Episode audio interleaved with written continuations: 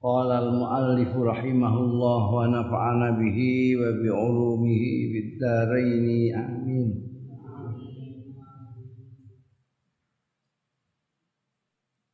Wa idza ta'azzara iku ya tetkalane ora iso wah nggak bisa ini tidak memungkinkan. Alal insan yang atas manusia apa al qiyamu jumenengi bi khoslati khairin lawan satu? Perkara sing baik hal yang baik. Amkanahu mongko mungkinake ing insan apa al istighna'u mengabaikan anha saking khoslah tidak mampu diapakan. Istihna semoga itu mengabaikan tidak bukan terus piye? Wal intiqal amkanahul istighna wal intiqalu lan pindah ila khoslatin ukhra maring perkara jenis kebaikan yang lain. Ya. Karena kebaikan itu banyak sekali. Jalan untuk berbuat baik itu kan banyak sekali. Jadi kalau misalnya kamu tidak bisa melakukan kebaikan ini, ya sudah abaikan saja, pindah ke yang kamu bisa. Misalnya kamu mau sedekah, nggak punya duit, entah azal. Jadi kepengin sedekah aku itu. Tapi gak di duit blas itu. Nah nek mas sedekah ngenteni sedekah itu piye? ya sudah, abaikan itu pindah saja yang kamu bisa. Zikir, maca selawat, maca ora iso. Itu. Heeh. Maca zikir, maca selawat itu wong marat malah semangat itu. iya. Rawal Bukhari yang riwayatake sapa Imam Bukhari an Abi Muhammadin saking Abu Muhammad kunyai Abu Muhammad asmane Abdullah bin Amr bin Al-As. Ini salah satu abadilah. Jadi ada Abdullah bin Abbas sepupune kanjeng Nabi ada Abdullah bin Umar bin Khattab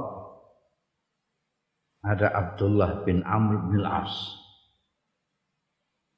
ini tiga pemuda ini pada zaman itu pemuda. Komputernya Amnul As. Abdullah bin Abbas putranya Al Abbas. Abdullah bin Umar putranya Umar. Jadi tiga Abdillah ini anak muda ini punya keistimewaan masing-masing. Misalnya Abdullah bin Abbas ahli tafsir. Abdullah bin Umar menguasai ilmu banyak sekali. Abdullah bin Amr bin As ini keistimewaannya adalah hobinya ya, hobinya ngibadah. kowe ya, kayak kowe ya. Delok guyune iki ora kosok wang sule berarti. Hobi ini ibadah. Jadi pokoknya apa puasa Ramadan ini kurangan Abdullah bin Amr itu. Iki yang menceritakan hadis ini Abdullah bin Umar Amr bin As ini. Radhiyallahu anhuma anhuma mergo padha sahabate. Abdullah ya sahabat, Amr bin As ya sahabat. Kala ngendika Abdullah bin Amr, kala dawuh sapa Rasulullah sallallahu alaihi wasallam. Arbauna ana patang puluh apane khoslatan macemnya ya.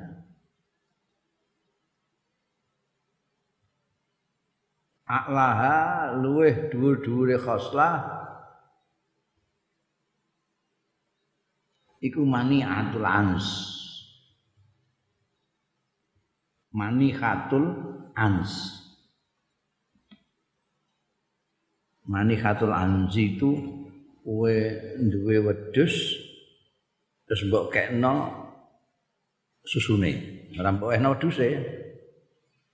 Jadi gue sedekah sedekah susune wedhus iku. Nah itu manikatul ansi asalnya manikah pemberian dari wedhus. Hmm, maksudnya yang paling dhuwur mamin amilin ya'malu bi khoslatin minha.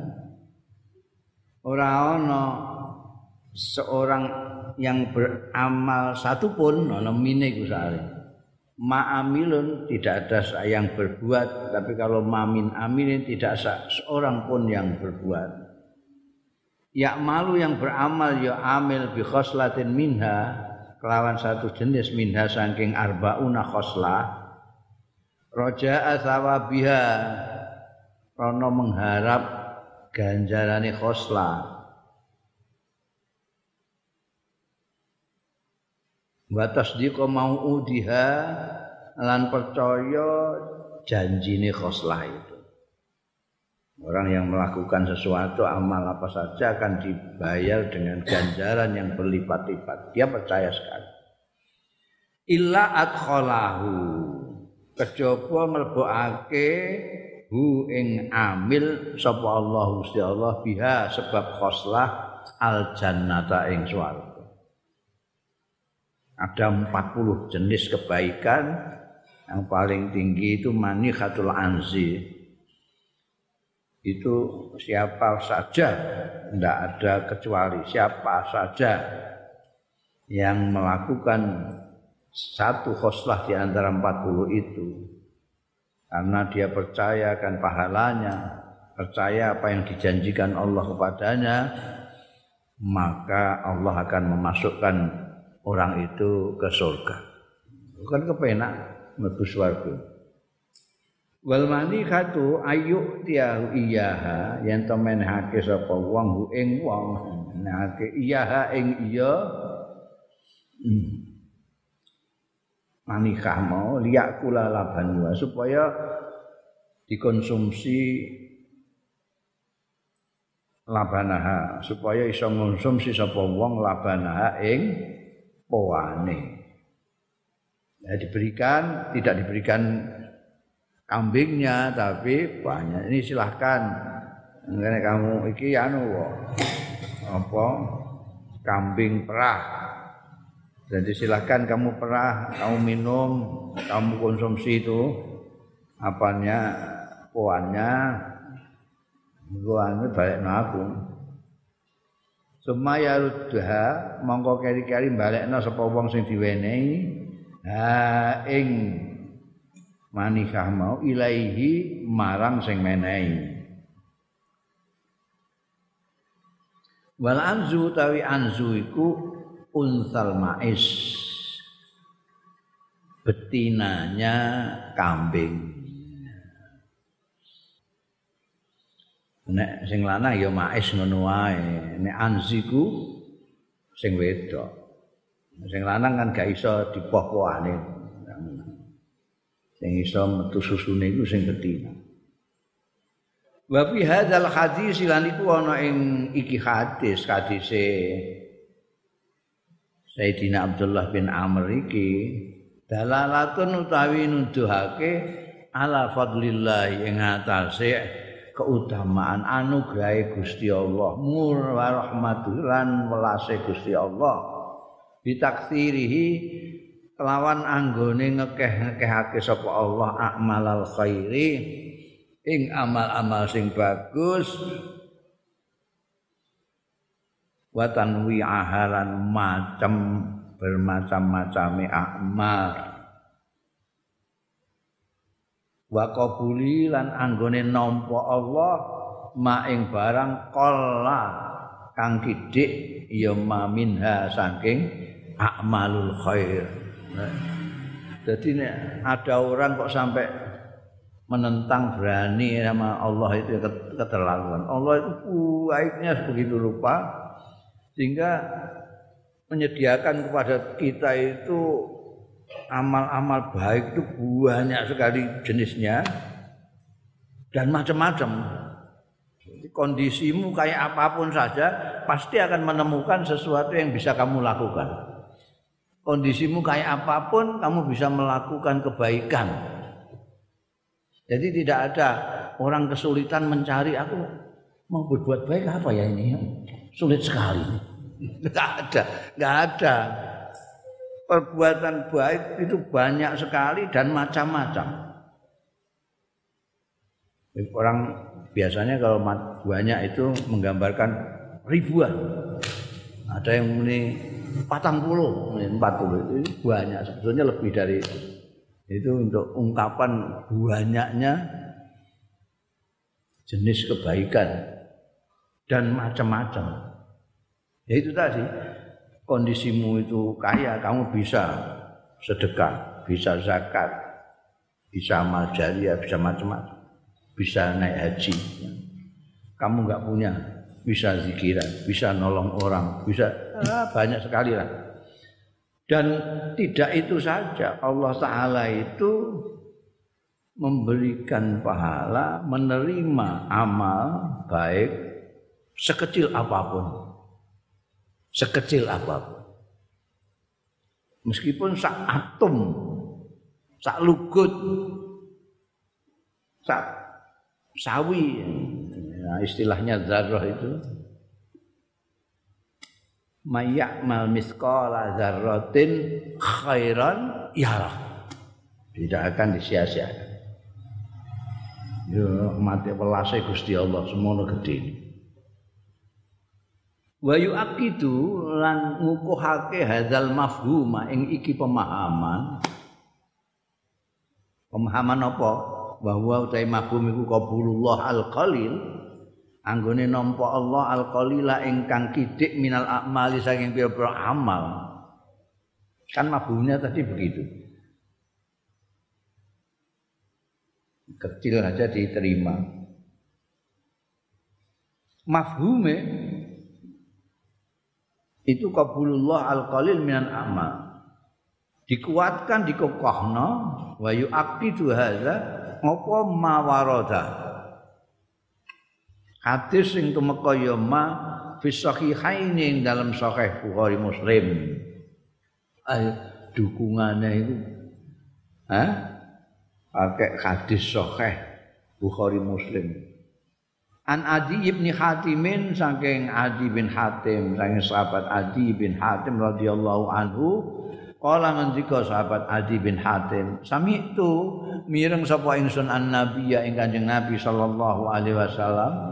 Tak pireng yaqulu ingkang ngendika Kanjeng Nabi ittaqunna walau bisyik kita meratin ini menguatkan mafhum kita tadi pengertian kita bahwa Allah Taala menerima sekecil apa pun amal itu. Niku ana hadis sahih Bukhari Muslim sumber saka Adi bin Hatim Kanjeng Nabi dawuh ittaqu. Takutlah kalian semua. Takwa sira kabeh ngati-ngati yo sira kabeh. Aja ngantek kejegur annara ing neraka.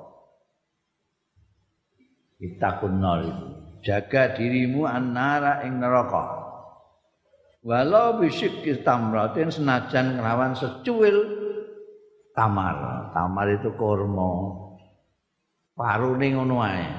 Mbok kekno kamu bisa terhindar dari neraka. Jadi itu kan jadi mudah sekali berbuat.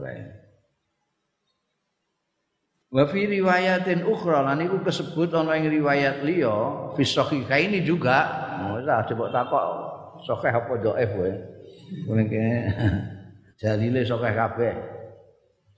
Sahih Bukhari Muslim aidan maneh maneh ma minkum min ahadin ora ana minkum sing sira kabeh min ahadin seorang pun illa sayukallimuhu rabbu kejaba bakal ngendikani ing ahad sapa rabbuhu pengirane ahad laisa bainahu kang ora ana bainahu antarane ahad wa bainahu lan antarane rabbahu apa turjumanun penerjemah Gusti Allah apa paham semua bahasa. Ini ora perlu terjemahan. Wah, enggak perlu. Ya, presiden mek presiden ngono mesti ana sing ning tengah ngono iku iku terjemahan itu. Iki gak nanti tidak ada seorang pun yang dihentikan Gusti Allah itu tidak pakai terjemah. Wayan zuru mongko ningali ahadun aiman, aiman amin. Ing sebelah kanannya ditoleh kanan, tolah-toleh. Oh, ngendikani Gusti Allah. Masa noleh minhu saking ahad. Pala yaro mongko ningali sapa ahad illa ma qaddam. Kejaba barang qaddama sing wis mempersembahkan, melaksanakan, melakukan Wayan zuru niki kok asam ini gak gak bener iku. Iki padahal buku tapi padha kabeh. Apa ana sing liya? Asam kabeh niku. Eh? Iya ku tak mungkin. Asam itu maknane lebih sial. Ini tidak ada kaitannya wong iki aiman itu simal. Ini gue ngati-ngati nih, nek aku pasti ini mesti salah cetak. Tapi kowe nek hati-hati biasane wong-wong kuno iku dikai thread terus niki di pinggire tulisi la Allah sawab mana. Jadi mbok menawa-menawa sing bener la Allah sawab asiman simal. Wayan dulu simalan aiman sih. Minhu apa asam ana sing maknane kiwa apa piye engko tak golekane ngopo engko nek menawa ana barang. Mulane sementara kae la Allah sebab iki tapi ya jelas maknane kiwa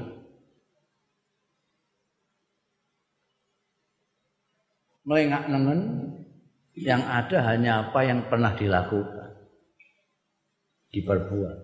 Nengok ke kiri yang ada juga hanya yang diperbuat Fala yara mongko ningali akad illa ma qaddama kejaba barang sing wis mempersembahkan melakukan. Wa yanzuru baina yadayhi lan ningali sapa akad baina yadayhi ana ing ngarepe akad. Fala yara mongko ningali sapa akad illan nar. Kejaba geni neraka tilqa awajihi ana ing ngarepe raine.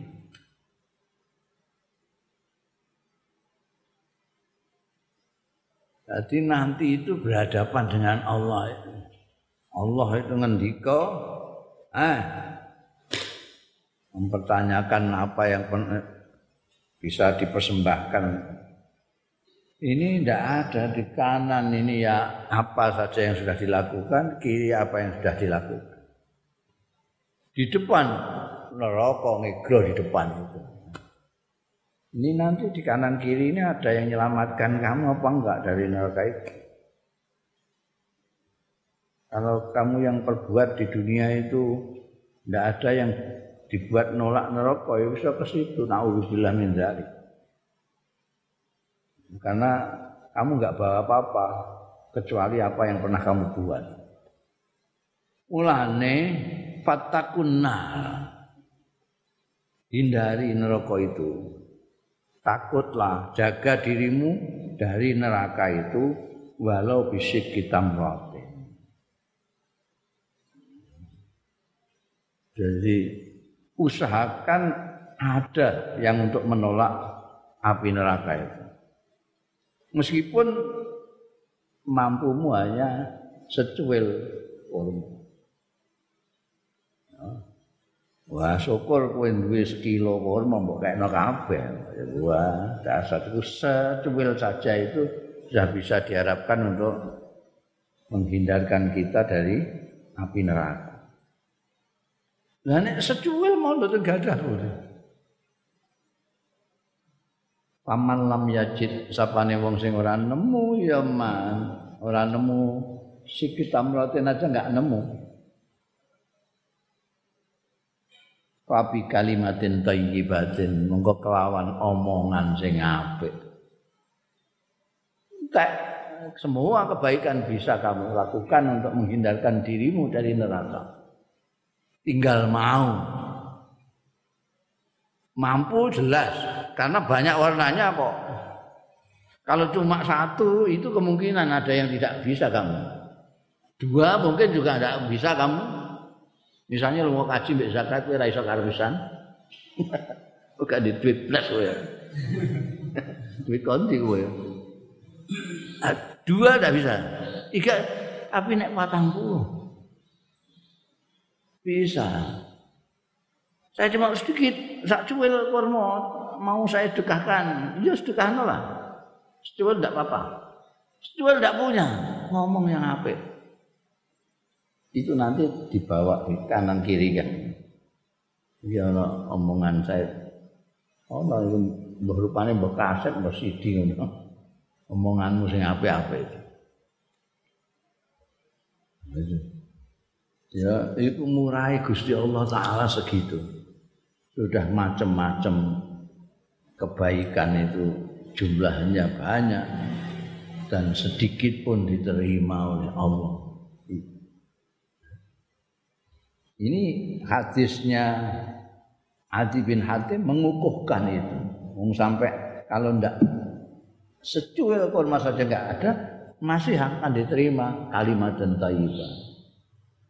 Itu kan kamu nggak ngeluarin apa-apa, ngeluarin nabab saja.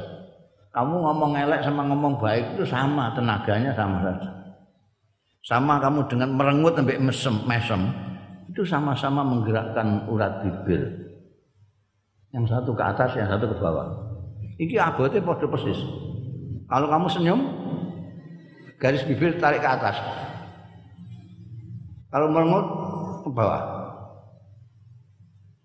Jajal, padha entenge padha abot. Ndak ada. Nek masih ngabut kula. Nek merengut lho kula biasa kula. Enggak ada, sama. Ngomong juga gitu. Ngomong jelek sama ngomong baik. Itu sama-sama menggerakkan urat bibir. Bahkan kalau ngomong baik itu enak di sini, enak di sini. Tapi ngomong buruk di sini sudah enggak enak, di sini enggak enak, di sini juga enggak enak. Karena diujuk-ujuki setan saja, diprovokasi setan, jadi terus enak ngomong elek. Betulnya enggak enak. Kalimat thayyibah saja ndak bisa. Harus keterlaluan ah. Kowe keterlaluan ngomong apik gak iso. Muni assalamualaikum ora ngomong apik. Apa kabar ndak sehat ya? Lha itu ngomong apik. Hmm. eh? Ngelem. Wah. Kopukmu apik. Lha ngono ya. Eh? Kowe kok ketok seger? Nah ngono iki ngomong apik. Lho kowe mau sabunmu apa? Kowe tok ganteng lho ngono Nanti mah, eh, kowe kok wangi iki mau nganggo apa? Ngono. Iki apa? Kowe ngomong wong seneng. Omongan bagus ini. Oh, baumu harum sekali. Tadi itu pakai minyak apa kamu? Itu kan podo karo muni. Dalam hal menggerakkan bibir ya, podo karo muni. Penguk ambumu itu. Muni penguk ambumu itu. Senajan penguk tenang, nung ratus. Tapi itu kan omongan elek itu, marno ratine. Senajan wonge penguk tenang itu mangkel ini. Penguk ya penguk tapi rasa dikandang-kandang ngomong boleh. Mesti ngono.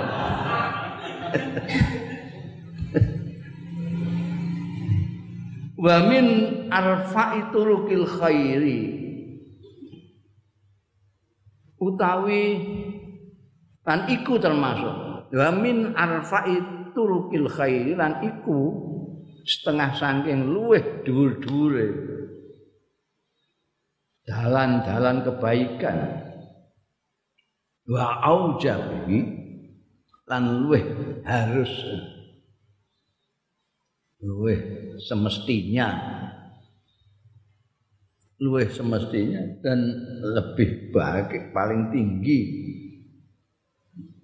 Syukrul maula utawi nyupuri Gusti Allah bendoro pangeran azza wa jalla alama ing atase barang an'ama sing paring nikmat sapa maula alaina ing atase kita min ni'amin saking nikmat-nikmat kasiratin sing akeh latu adu kang ora iso diitung wala tuhsa lan ora iso diwilang paling tinggi mensyukuri nikmat-nikmat paringane Gusti Allah taala. Lah apa coba kamu bisa ngitung nikmatnya Allah? Enggak bisa. Saking banyaknya. La tu'ad wa la. Mulai yang kecil sampai yang gede. Kadang-kadang kita itu nompo nompo nompo terus karena kebanyakan nikmat yang datang, anugerah yang banyak itu sampai enggak sempat syukur gitu. Kadang-kadang yang kecil-kecil kita syukuri, yang gede-gede tidak kita syukuri. Yang banyak yang kita anggap kecil-kecil itu tidak kita syukuri, kita bisa bernapas, tidak bersyukur. Coba tanyakan orang yang di rumah sakit sesak napas itu. Dia mau bayar berapa juta saja asal bisa bernapas dengan lega kembali. Di kota-kota besar di Amerika Eropa itu karena polusi sudah demikian rupa itu sampai orang ingin bernapas seperti kita di sini yang enak gini harus piknik harus wisata ke tempat satu daerah di mana dia bisa bernapas dengan baik tapi kita tidak pernah bersyukur Isuk-isuk kita mak nguyuh legone ra karuan, tidak pernah kita bersyukur. Tanyakan orang yang tidak bisa kencing itu. Ono sing ngantek 10 yuto untuk mendanjani kandungan kemihnya itu supaya bisa kencing. Kita kencang-kencing enggak? Ngolet. Kowe ngolet itu enggak nikmat itu. Iso balik iku luwih nikmat meneh. kowe ngulek terus gak iso balik gitu. Dulu itu ada orang anggap kebablasan karena kambane nama apa gak iso balik uangnya ngantek uang. Di dokter no itu padahal mau ditempiling tok dokter itu. Bayare akeh ra karuan. Nah kita anggap ya enggak turu tangi iso tangi ya gak syukur.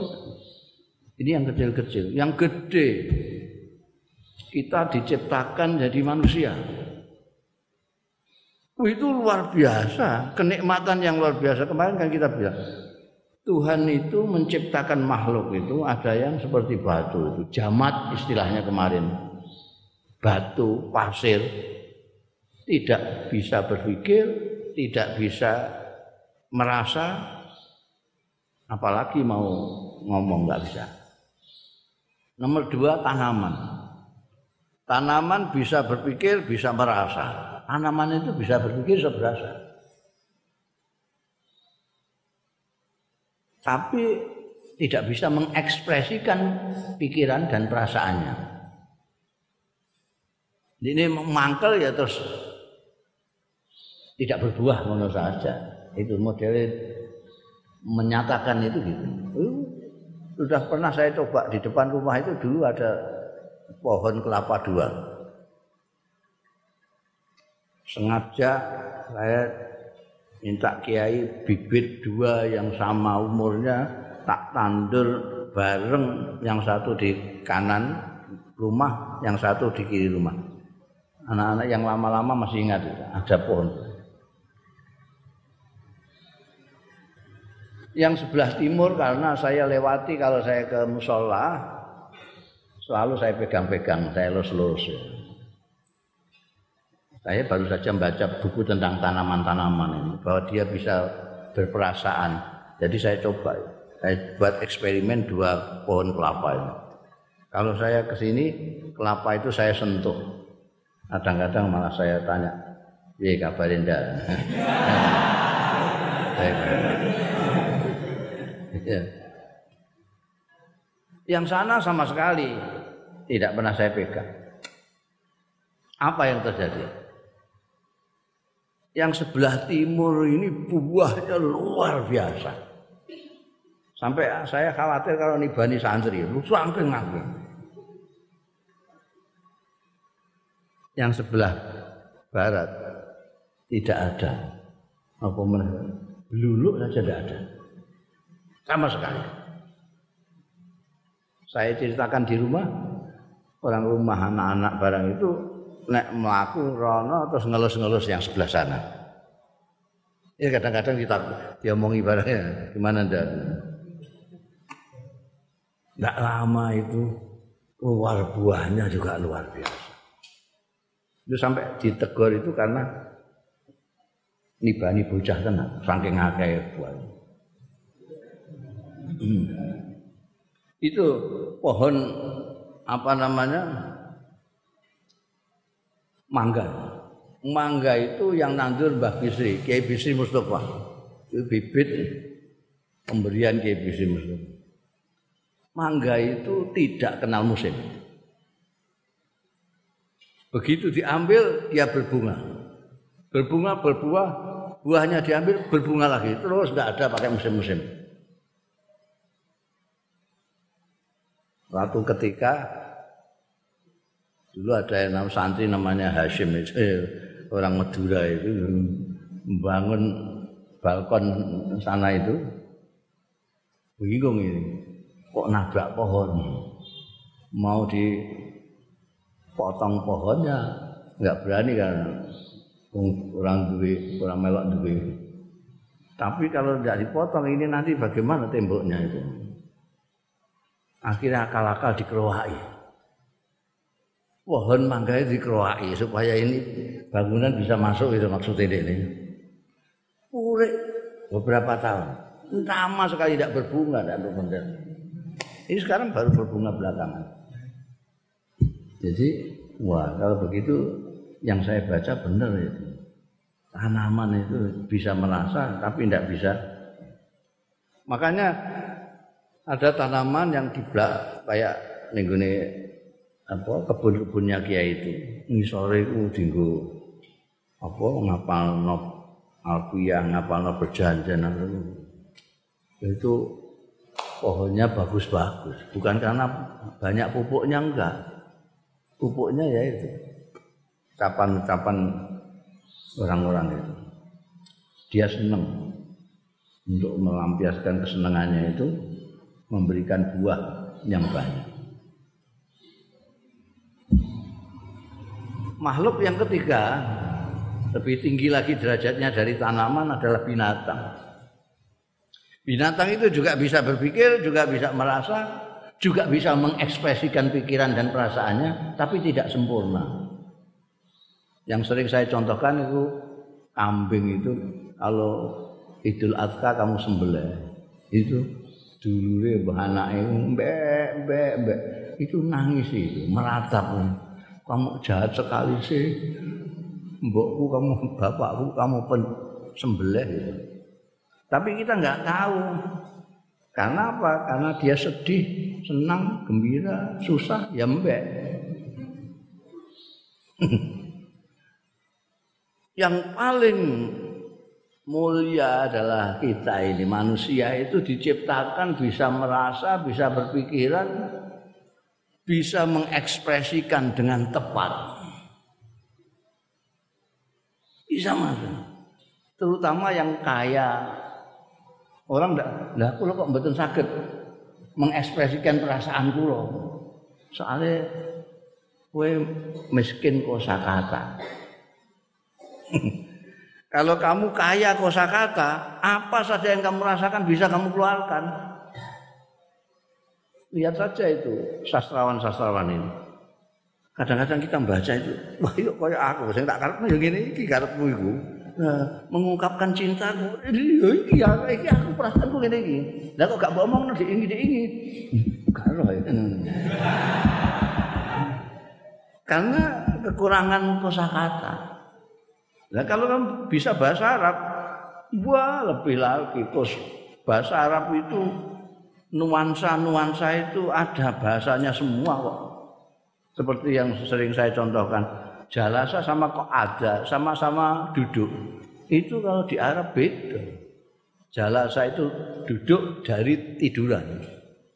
Kalau kamu kawanmu tiduran itu duduk, itu ijlis, baru duduk. Kalau kok ada, itu dari berdiri ke duduk.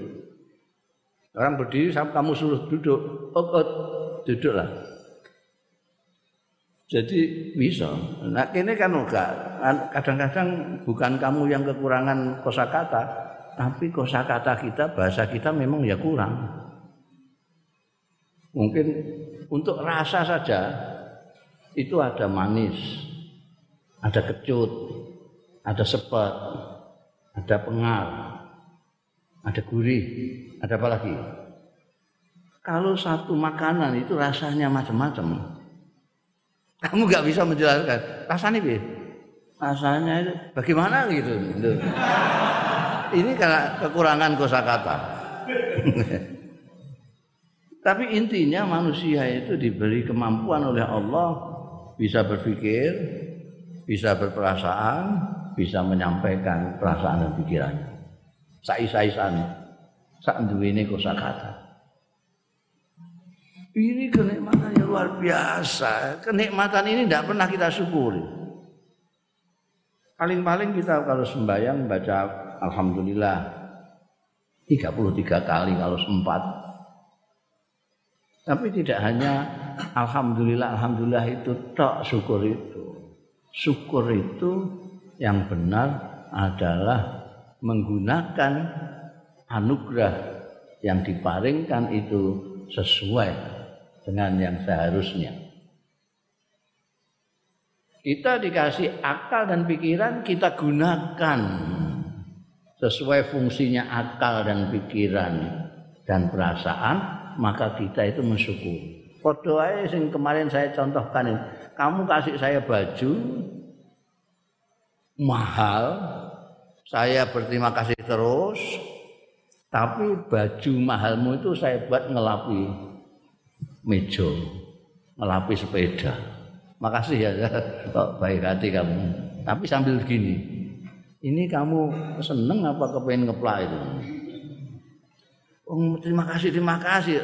Sambil diremehkan gitu pemberian saya.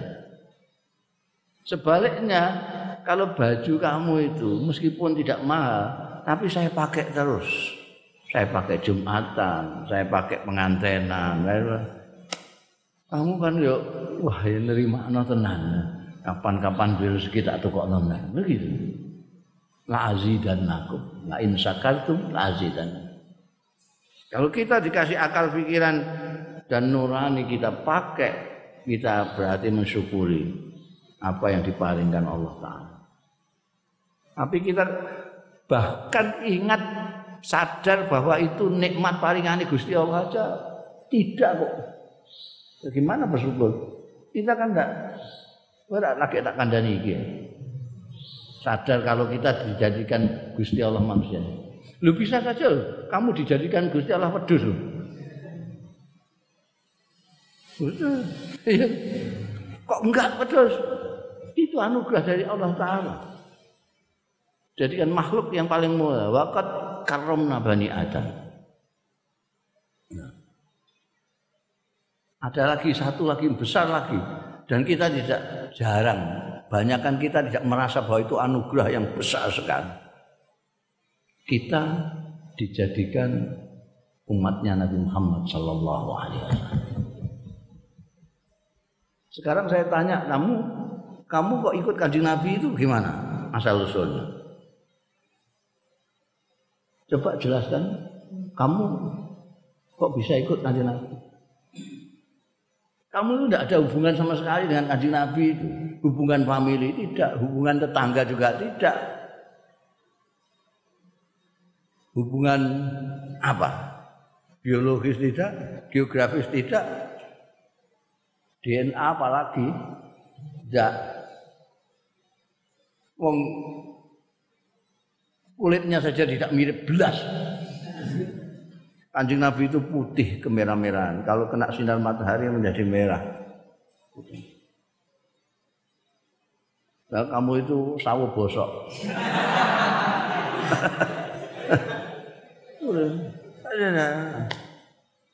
Tetangga tidak Anda.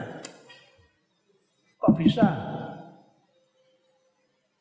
Mbok jawab soalnya kiai kula niku wah hebat banget niku. Kiai kula niku sing mbah-mbah kula barang niku di ditelukno kalih kiai niku. Mbah niku hebat. Hmm. Sekarang pikirin. Ada orang dekatnya dengan Rasulullah Shallallahu Alaihi Wasallam tidak ada yang bandingi, tidak ada yang membandingi. Orang paling dekat dengan Rasulullah Shallallahu Alaihi Wasallam karena memang rumahnya dekat. Wong Jawa mengatakan tonggo pet.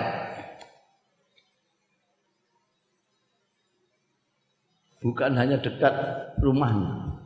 Dia itu paman persisnya Rasulullah Sallallahu Alaihi Wasallam. Karena dia saudaranya Sayyidina Abdullah. Sayyidina Abdullah itu ayahnya Anjing Rasul Sallallahu Alaihi Wasallam. Rumahnya dekat, secara famili dekat, paman, paman persis. Tidak itu saja. Orang ini berbesanan dengan Kanjeng Rasul Sallallahu Alaihi Wasallam. Anak dua.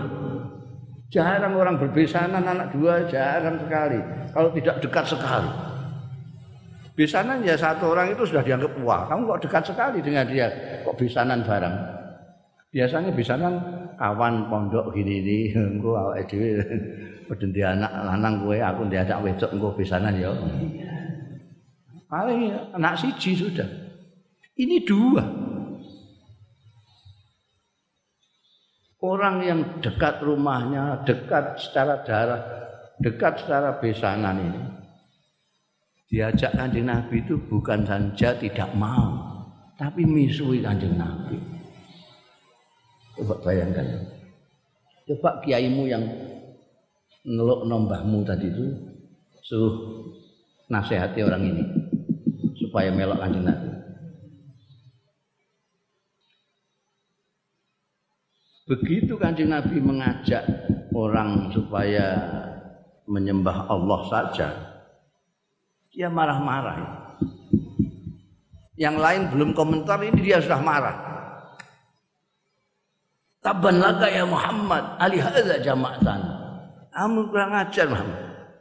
Orang tua-tua kamu kumpulkan hanya kamu ajak begini. Tuhan banyak-banyak kok kamu jadikan satu tok itu gimana? Ini seneng Tuhan ini bilang-bilang kalau ini ketemu Tuhan ada dua dua ratusan Tuhan itu dia.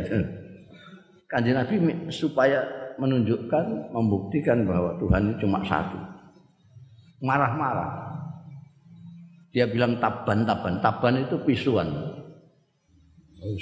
Bisa jancuk, bisa apa, pokoknya tak pisuan lah, taban itu dibalas oleh kekasihnya Kanjeng Rasul sallallahu alaihi wasallam. Tabat yada Abi Lahab. Julukannya Abu Lahab, namanya Abdul Uzza, itu saudaranya Abdullah. Saudaranya Al Abbas. Saudaranya Abu Talib. Pamannya Kanjeng Nabi, besanan anak dua, dia punya anak namanya Utbah dan Utaibah dikainkan dengan Sayyidatina Ruqayyah dan Sayyidatina Ummi Kulsum. Begitu turun ayat tabat yada Abi Lahab, anaknya dua Utbah dan Utaibah dipanggil. Ceraikan istri-istri kalian. Kalau tidak, tidak aku akui jadi anak. Diceraikan. Jadi Ruqayyah dan Umi Kulsum dikawin oleh Sayyidina Usman, Sayyidina Usman itu janda bekas menantunya Abu Lahab. Ruqayyah kemudian dikawin oleh Sayyidina Usman, Ruqayyah pada waktu zaman perang Badar kapundut Sayyidina Usman ngeduni cara Jawane Sayyidatina Umi Kulsum. Makanya Sayyidina Utsman disebut Zunnurain, mempunyai nur dua karena mengawini dua putrinya Kanjeng Rasul sallallahu alaihi wasallam. Sekarang coba jelaskan atau minta tolong profesor yang paling botak sekali. Untuk menjelaskan kalian semua ini yang tidak memper apa-apanya dengan kanjeng Nabi baik rumahnya baik anunya segala macam kok ikut kanjeng Nabi? Ini Abu Lahab bukan hanya tidak mau ikut tapi misui kanjeng Nabi ketika di, diajak ikut. Coba suruh jelaskan Profesor yang budak-budak sama tanya kamu takut tanyain nanti kan tambah botak gitu. Bisa jawab. Kalau tanya sama saya, kamu. Ya itu maunya Allah. Itu maunya Allah. Allah itu maha semau gue. Bahasa Betawinya. Allah itu maha semau gue. Mau Jokowi, mau siapa yang jadi presiden semau gue. Kalau cocok nggak cocok ya spend. Saya mau jadikan orang-orang Indonesia yang elek-elek ini ikut kanjeng Nabi, ya terserah saya. Abu Lahab enggak, terserah saya. Abu Lahab enggak bisa protes. Hak prerogatif Kalau ada orang menepuk dada, orang sini ini dulu yang Islamkan saya. Coba orang itu diseret suruh ke tempatnya Abu Lahab ini coba ini tolong diislamkan juga ya. Apa dia lebih fasih dari kanjeng Nabi Muhammad Sallallahu Alaihi Wasallam? Wong kanjeng Nabi itu mukanya saja sudah mengajak kok. Apalagi ngendika nih. Di ngendikani kanjeng Nabi aja misuh. Sama kandang di dapur. Bukan karena kandanan innaka la tahdi man ahbabta. Kamu Muhammad tidak bisa membuat orang mendapat hidayah. Tapi Allah yahdi mayyasha.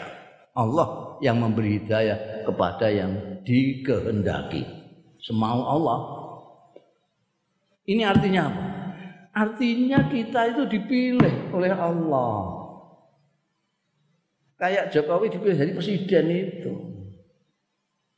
Tidak boleh Abu Lahab nanti akan protes. Lu wong dapure gitu kok. Engkau beri hidayah ya Allah. Aku kok tidak, padahal aku dekat sekali sama Muhammad. Tidak bisa. Ini hak prerogatif. Makanya saya ngatakan kita perlu syukur yang besar. Ini syukur. Karena kita dipilih. Bukan karena siapa-siapa. Karena kita dipilih oleh Allah. Jadi syukur kita harus besar sekali. Dini kita itu jauhnya begini dari segala macam aspek kita itu jauh. Tapi manut ikut kanjeng Nabi. Bahkan menyintai kanjeng Nabi. Motor solawat segala macam. Itu dari Allah. Dan itu kita tidak syukuri. Kenapa? Ya, karena kamu tidak menyadari kalau ini anugerah. Syukur itu syaratnya orang menyadari adanya anugerah. Tidak menyadari bahwa pipis itu anugerah, ya tidak syukur. Tidak menyadari bahwa bernapas itu anugerah, kenikmatan dari Allah, tidak bersyukur. Orang bersyukur dua kali karena haji, tapi tidak bersyukur karena sholat, itu karena tidak tahu bahwa sholat itu juga anugerah dari Allah. Untuk menyadari itu panjang. Kue menyadari bahwa jadi manusia itu kan aku tuh punya tak no suwine ini. Bungkaran kue paham mau. Saya untuk menunjukkan kamu bahwa jadi umatnya kanjeng Nabi Muhammad itu suatu anugerah yang besar, ya baru dengar ini tuh kamu. Sebelumnya kamu tidak merasa itu, ngelendem aja. Lah caranya mensyukuri bagaimana? Ya kita jaga. Apa yang diberikan Allah itu yaitu hidayah untuk ikut kanjeng Nabi, ya kita ikuti ajaran-ajarannya kanjeng Nabi. Itu syukur kita. Mau contoh lagi, Allah itu anugerahnya luar biasa banyak. Kamu dijadikan jadi orang Indonesia.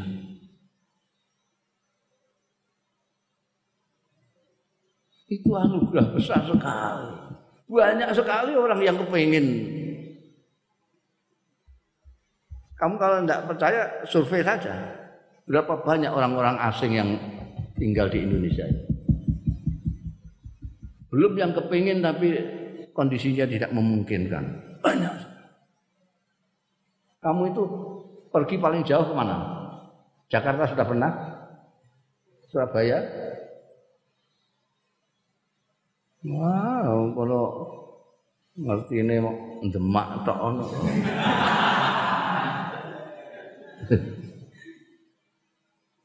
Saya itu sudah ke Eropa, mubeng mulai Jerman sampai Spanyol, udah ke Amerika Serikat.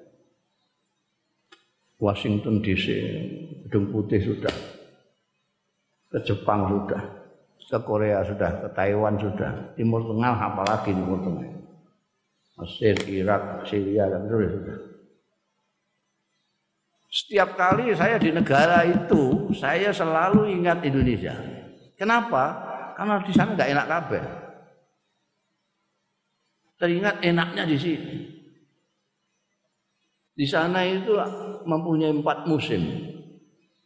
Yang enak cuma satu. Minimal ya dua lah. Musim semi sama musim rontok. Musim dingin sama musim panas ini azab, siksa. Di sini yang kemarin panasnya begitu itu itu paling 35 36 derajat. 35 36 derajat yang kita kepanasan itu. Oh semua ini memang hujan tapi ya gitu tuh. Kemarin yang panasnya kayak gitu itu. Itu tidak melewati 36 derajat. Saya pernah di Mesir itu 50 derajat. Oh, bayangkan 50. Semua yang saya pegang panas semua. Naik bis pegangan ini panas, pegangan ini panas. Kalau mau tidur ranjang di asrama saya itu saya gebir sak timbo banyu, terus langsung tidur. Kalau dadak mengembalikan ember dulu ke kamar mandi, balik sudah panas lagi. Jadi terus langsung. Padahal musim panas itu di kuliah saya itu pas waya ujian. Kalau yang lain sudah pray itu biasanya minggat semua ke tempat-tempat yang dingin ke Iskandaria apa ke mana. Saya itu masih belajar. Ya belajar itu kuitab tak bungkus plastik terus shower saya buka digorojok banyu kan dhuwur mbek sinau. Untungnya di sana air itu berlimpah-limpah. Musim panas kalau musim dingin, saya tahun berapa itu di Jepang juga pas musim dingin, di Eropa pas musim dingin. Itu di Eropa itu lima di bawah nol. Di sini 20 itu sudah dinginnya bukan main. 20 itu sudah dingin sekali. Itu lima di bawah nol. Dua puluh aja sudah dingin, sepuluh pun nggak kuat, nggak kuat. Ini di bawah. Pakai baju lengkap empat masih tembus dingin. Untungnya di sana setiap rumah kan ada pemanasnya. Jadi masuk rumah saja, tidak berani keluar. Kalau musim panas, ya di rumah saja supaya tidak kepanasan. Kalau dingin, ya di rumah saja. Ya. Karena keluar nggak kuat. Di sini enaknya bukan main. Sampai disuruh di rumah saja nggak kerasan. Ingin keluar terus karena enak sekali. Jadi ya apa namanya? Lah men, mensyukuri nikmat itu bagaimana? Dia menjaga Indonesia. Ketika ada menjaga ajaran kanjeng Nabi Muhammad Shallallahu Alaihi Wasallam. Dan ini adalah paling tinggi derajatnya karena memang memerlukan kesadaran. Syukrul maula itu arfa turukil khair karena antara lain membutuhkan kesadaran bahwa kita menerima anugerah. Meskipun anugerah Allah itu banyak sekali, la tu'addu wa la tapi kadang-kadang kita tidak menyadari. Mungkin karena banyaknya itu. Karena banyaknya justru kita tidak sadar. Termasuk mensyukuri sendiri. Itu nikmat dari Allah Ta'ala. Kalau kita tidak dibukakan, kamu tidak diketemukan saya yang menceritakan tentang kenikmatan-kenikmatan tadi, kamu insya Allah masih tidak ngerti kamu. Kalau jadi orang Indonesia ini merupakan kenikmatan yang besar. Buktinya banyak orang yang tidak ngerti.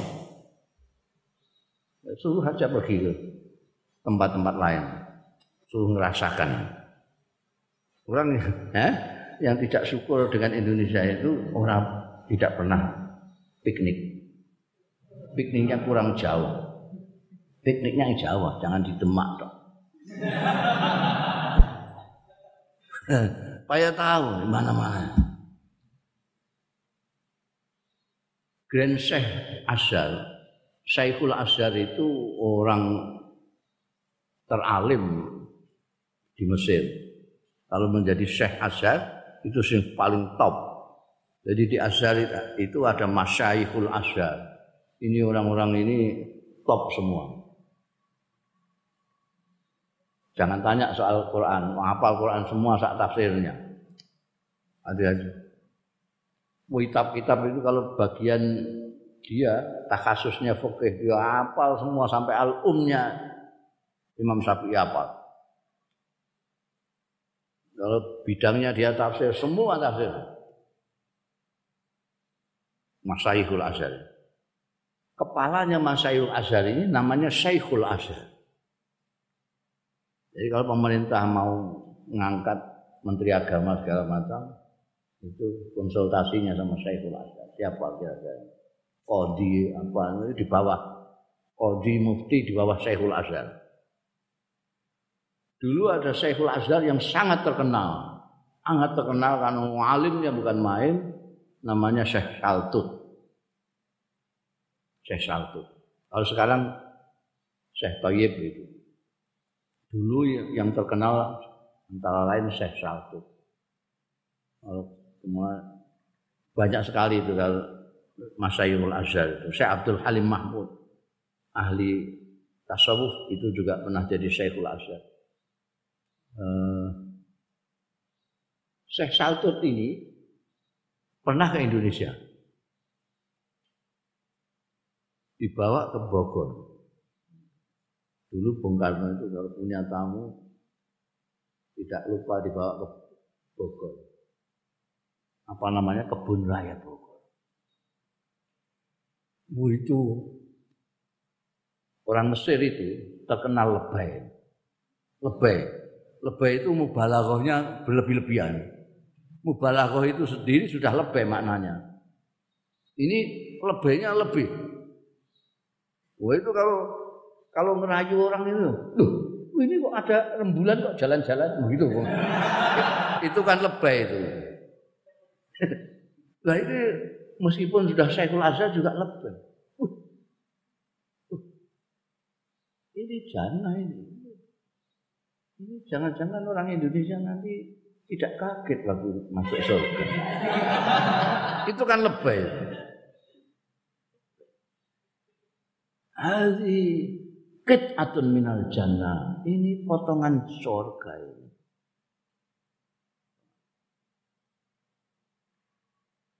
Indonesia itu kalau ada orang kelaparan ini saking bodohnya.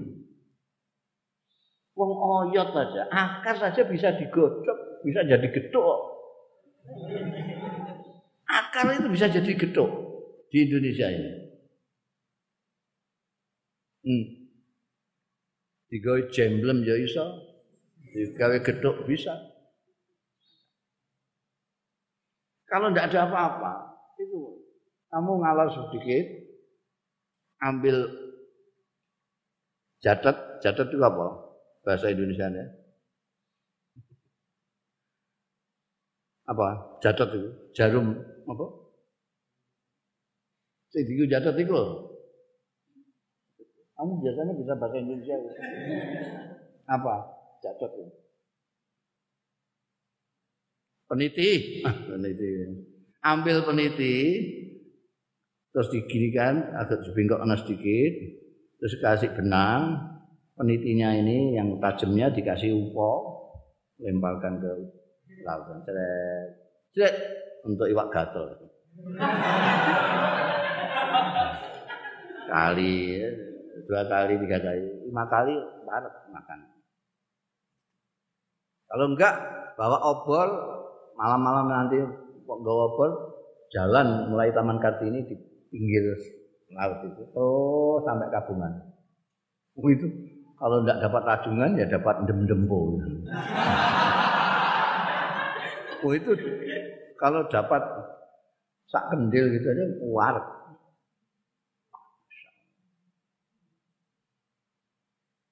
Saya di Mesir itu sama kawan-kawan nyewa lapangan sepak bola.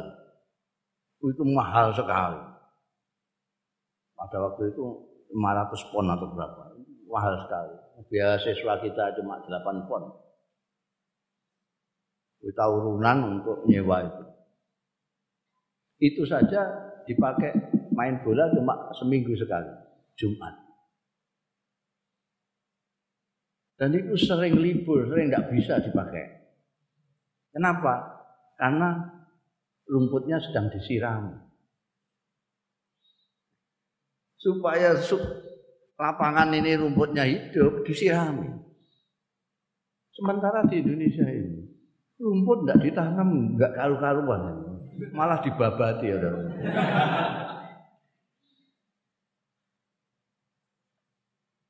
Sekarang kalau kamu nanti ke Arafah, di sana ada pohon-pohon banyak atau melihat di TV itu pohon-pohon banyak. Itu orang Arab kamu tanya ini pohon apa? Ya jawab ini pohon Soekarno. Karena yang kasih bibitnya Bung Karno, akasia itu. Orang tahu di Mesir bisa ekspor mangga itu peloknya dari Bung Karno. Kita tidak bisa ekspor, mereka bisa ekspor ke mana-mana. Karena tenanan be nandur pelok. Makanya nggak ada bahasa Arabnya. Mangga itu manggu. waktu saya punya tamu-tamu Arab itu saya suguhi telo godok. Eh kok telo godok? Iya telo godok sama ini yang mereka gawa itu pisang godok. Pisang sobo itu ada. Ada mus, ini pisang? Ya. Pisang kok digodok? Jadi bingung dia. Ono pisang kok digodok itu bingung. Karena di sana hanya pisang sing ada pisang Ambon itu.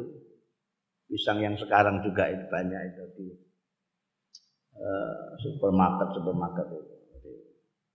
Indomaret itu. Tok yang ada sana. Di sini apalagi disuguhi salak bingung dia gimana caranya makan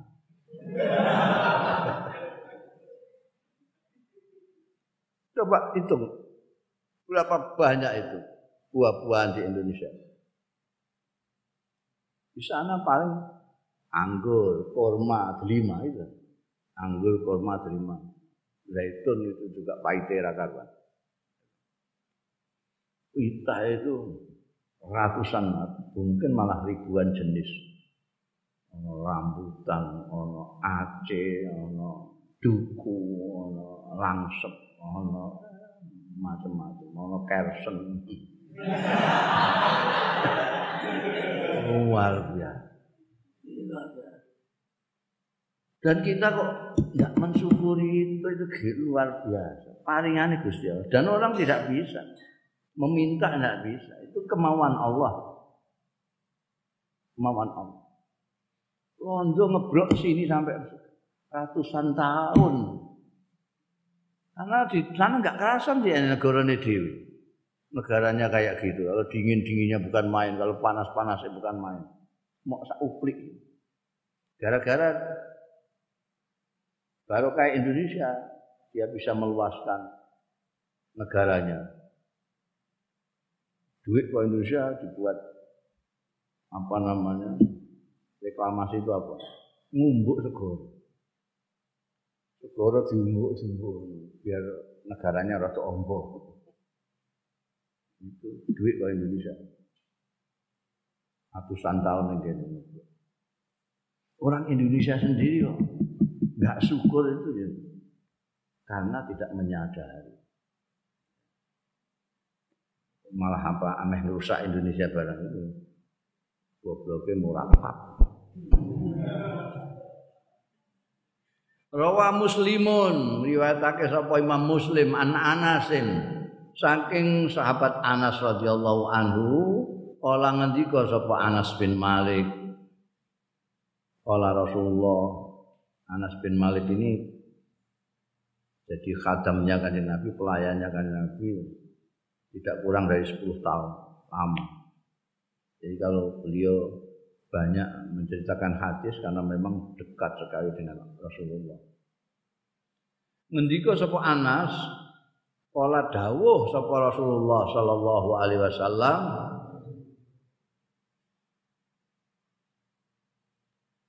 Inna Allah sak temene Gusti Allah layar do. Yakti ridho seneng puas berkenan. Anil abdi sanging kawula ayak kula enento mangan sapa ab.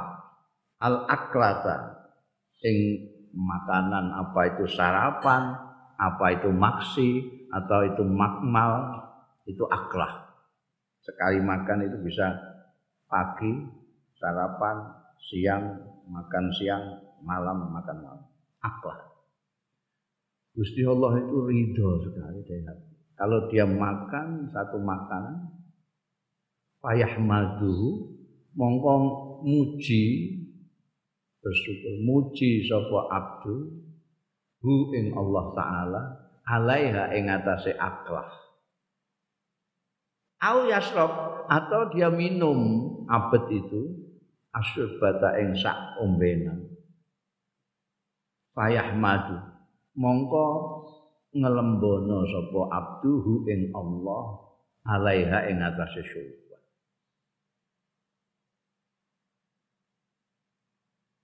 Wal maksudu tai maksude bikaulihi kelawan dawe Kanjeng Rasul sallallahu alaihi wasallam yardo ayak balu minhu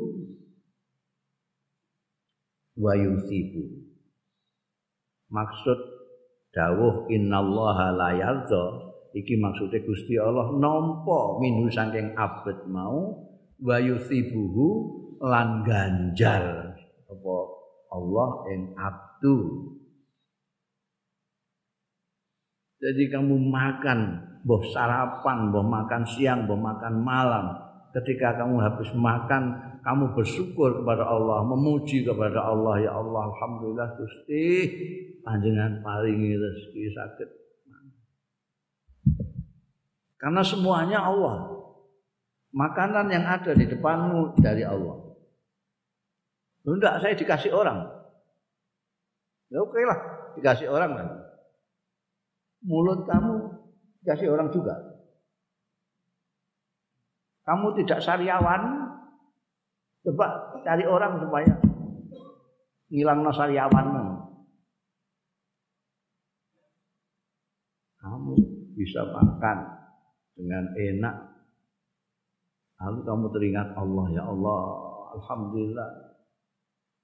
Engkau beri aku rezeki makan dan aku bisa sehat. Alhamdulillah.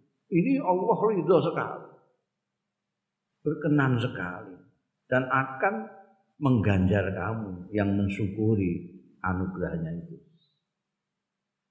Wa fi hadzal ing dalam iki hadis hadis yang bersumber dari sahabat Anas bin Malik iki al utawi nganjurake ala syukrillah ing atase nyukuri Gusti Allah azza wa jalla ala kathirin ing atase akeh min ni'ami saking nikmat-nikmate Allah. Nikmatnya Allah banyak sekali. Minimal orang itu kalau sulit mensyukuri nikmatnya karena banyaknya itu sholat.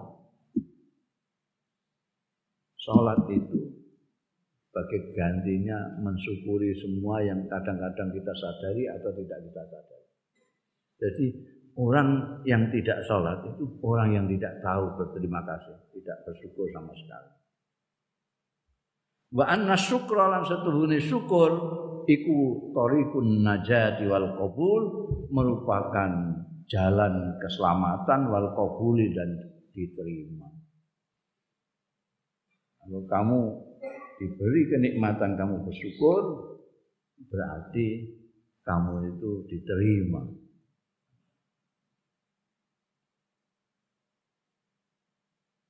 Jadi itu yang paling tinggi. Ingat-ingat itu. Jalan kebaikan yang paling tinggi yang paling harus kamu lakukan jangan sampai tidak itu adalah mensyukur mensyukuri nikmat-nikmat palingannya Allah Subhanahu wa taala. Memuji Allah. Makanya Anjing Rasul Shallallahu Alaihi Wasallam dan kemudian para sahabat, kemudian tabiin, tabiin, tabiin, ulama-ulama sampai sekarang itu kalau mau ngomong, mau pidato, mau mesti Alhamdulillahirobbilalamin alamin itu itu sebagai rasa syukur. Bisa ngomong juga Allah bisa syukur juga Allah. Wal amalu takassubi fisabilin nafsi utawi amal takasub pekerjaan yang kita lakukan takasub itu amal yang eh, bersifat pekerjaan. Fisabilin nafsing dalam dalan awak dewe artinya kamu nyambut gawe kalau yang nelayan miang ke laut cari ikan yang pedagang ke pasar buka warung buka toko dan lain sebagainya. Bisa pilih nafsi untuk kepentingan dalam rangka dirinya sendiri wal walidaini dan orang tua loro, wong tua loro, wal ahli lan keluarga, wal auladi dan anak-anak iku min turukil khair. Jadi jangan dikira makanya yang penting kita harus niatnya itu. Kalau kamu belajar juga harus ada niat nama amal niat supaya amal kamu itu termasuk turukil khair dapat pahala itu kamu harus pasang niat dengan benar. Kamu ke pasar untuk apa? Ya dagang. Ngapain dagang? Ya karena saya harus memberikan nafkah kepada keluarga saya, ahli wal aulad, saya punya anak, punya istri. Maka itu termasuk khair kamu ke pasar. Yang ngelaut melaut dari ikan. Juga begitu. Karena itu takasub fisabilin nafsi wal ahli wal aulad. Mencari nafkah untuk diri dan keluarganya. Itu termasuk apa namanya? khair. Wa kadzalika tajannubus syururi wal atham. Itu juga turukul khair. Wa kadzalika laniku kaya mengkono-mengkono amal takasubi tajannubu syurur utawi ngedoi kejahatan-kejahatan wal athami lan dosa-dosa itu juga termasuk khair. Ini untuk mengukuhkan saja untuk menegaskan bahwa jalan kebaikan banyak sekali. Kalau tidak bisa amal takasubi, menghindari kejahatan itu juga khair. Wonten ya, ana Warada tumeka fi sahihaini ing dalam sahih Bukhari Muslim an Abi Musa Al As'ari saking sahabat Abi Musa Al As'ari radhiyallahu anhu anin Nabi saking Kanjeng Nabi sallallahu alaihi wasallam. Kala dawuh sapa Kanjeng Nabi ala kulli muslimin sedekah. Iku wajib ing atase saben-saben wong muslim sedekah utai sedekah. Setiap orang muslim harus sedekah. Harus sedekah. Qala ara'aita illam yajid Matur sapu Abu Musa al-Asari ara'aita tapi ngendikani kula ilam yajid menawi mboten nemu sing ngajeng disedekahke sepundi? Qala dawuh sapa Rasulullah sallallahu alaihi wasallam ya'mal biyadai. Ya'mal biyadai. Nyambut gawe nganggo tangan lorone. Nukang. Apa le? Eh? Nukang ngelas apa bengkel sing nganggo tangan termasuk becak bareng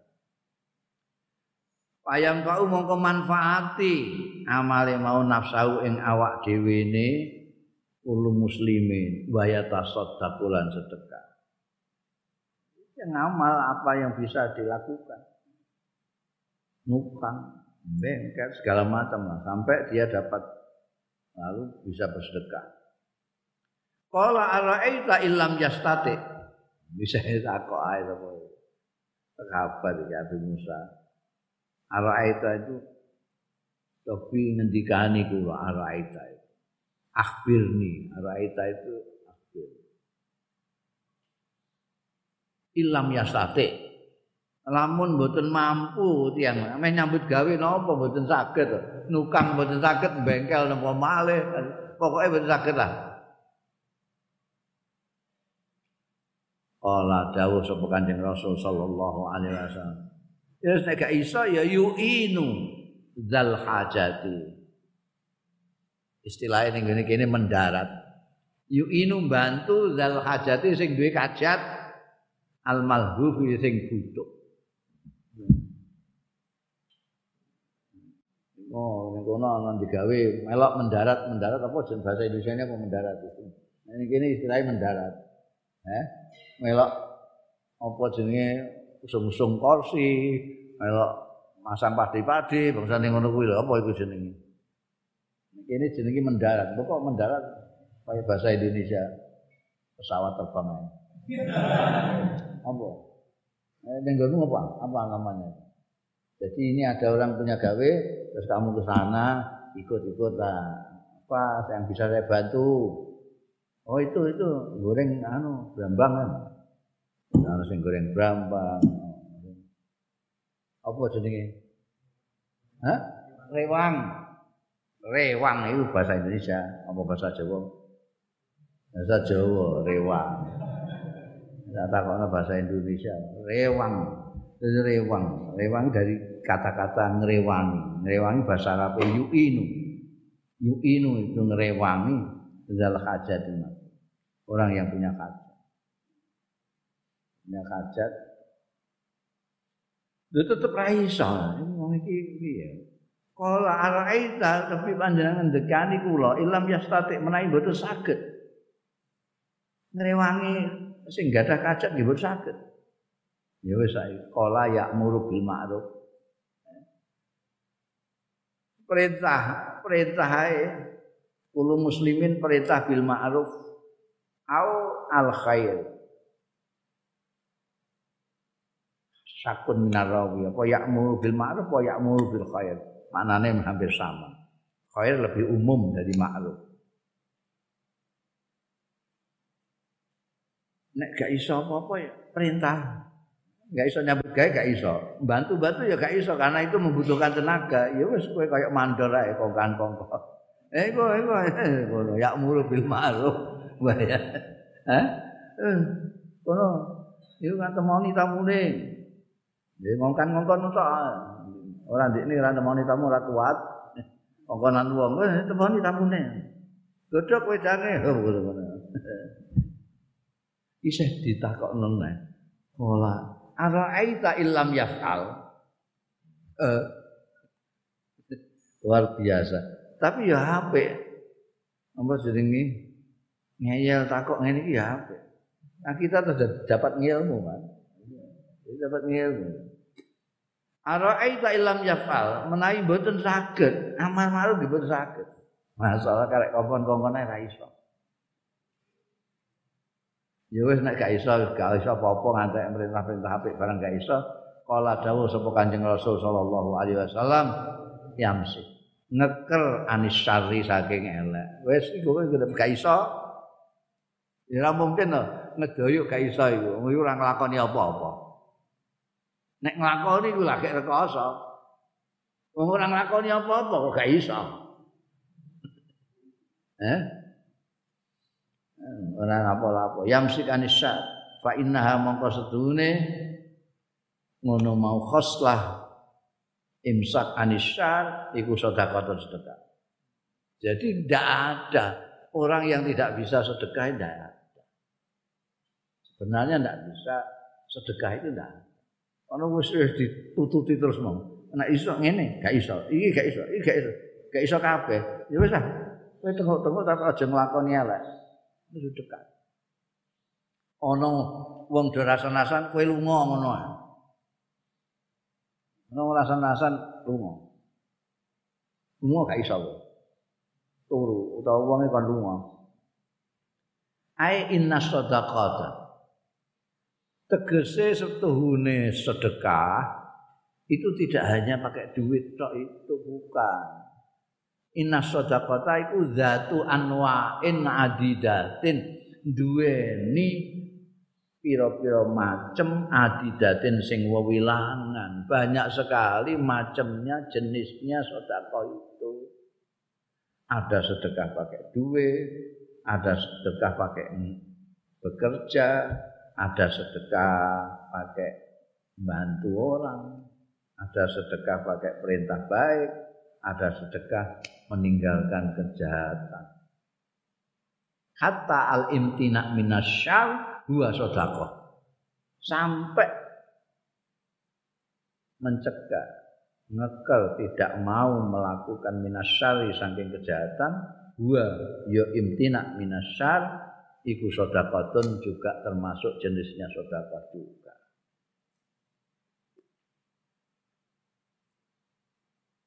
turukul khairi utawi dalan-dalane kebaikan. Hadhi iki iku yaltaqi fiha ketemu fiha ing dalam turukul khair apa Al-Qur'anul Karim Quran sing mulya was sunnatul sunnah. Nah, jadi dalile Quran hadis lah orang apane kowe wa yukamilu lan nyempurnakno apa ba'du ba'dua sebagian ayat lan sunnah mau ba'dan ing sebagian yang lain. Jadi Quran dan sunnah saling menyempurnakan untuk memberitahukan kita bahwa jalannya keapian itu, jalannya kebaikan itu banyak dan bermacam-macam.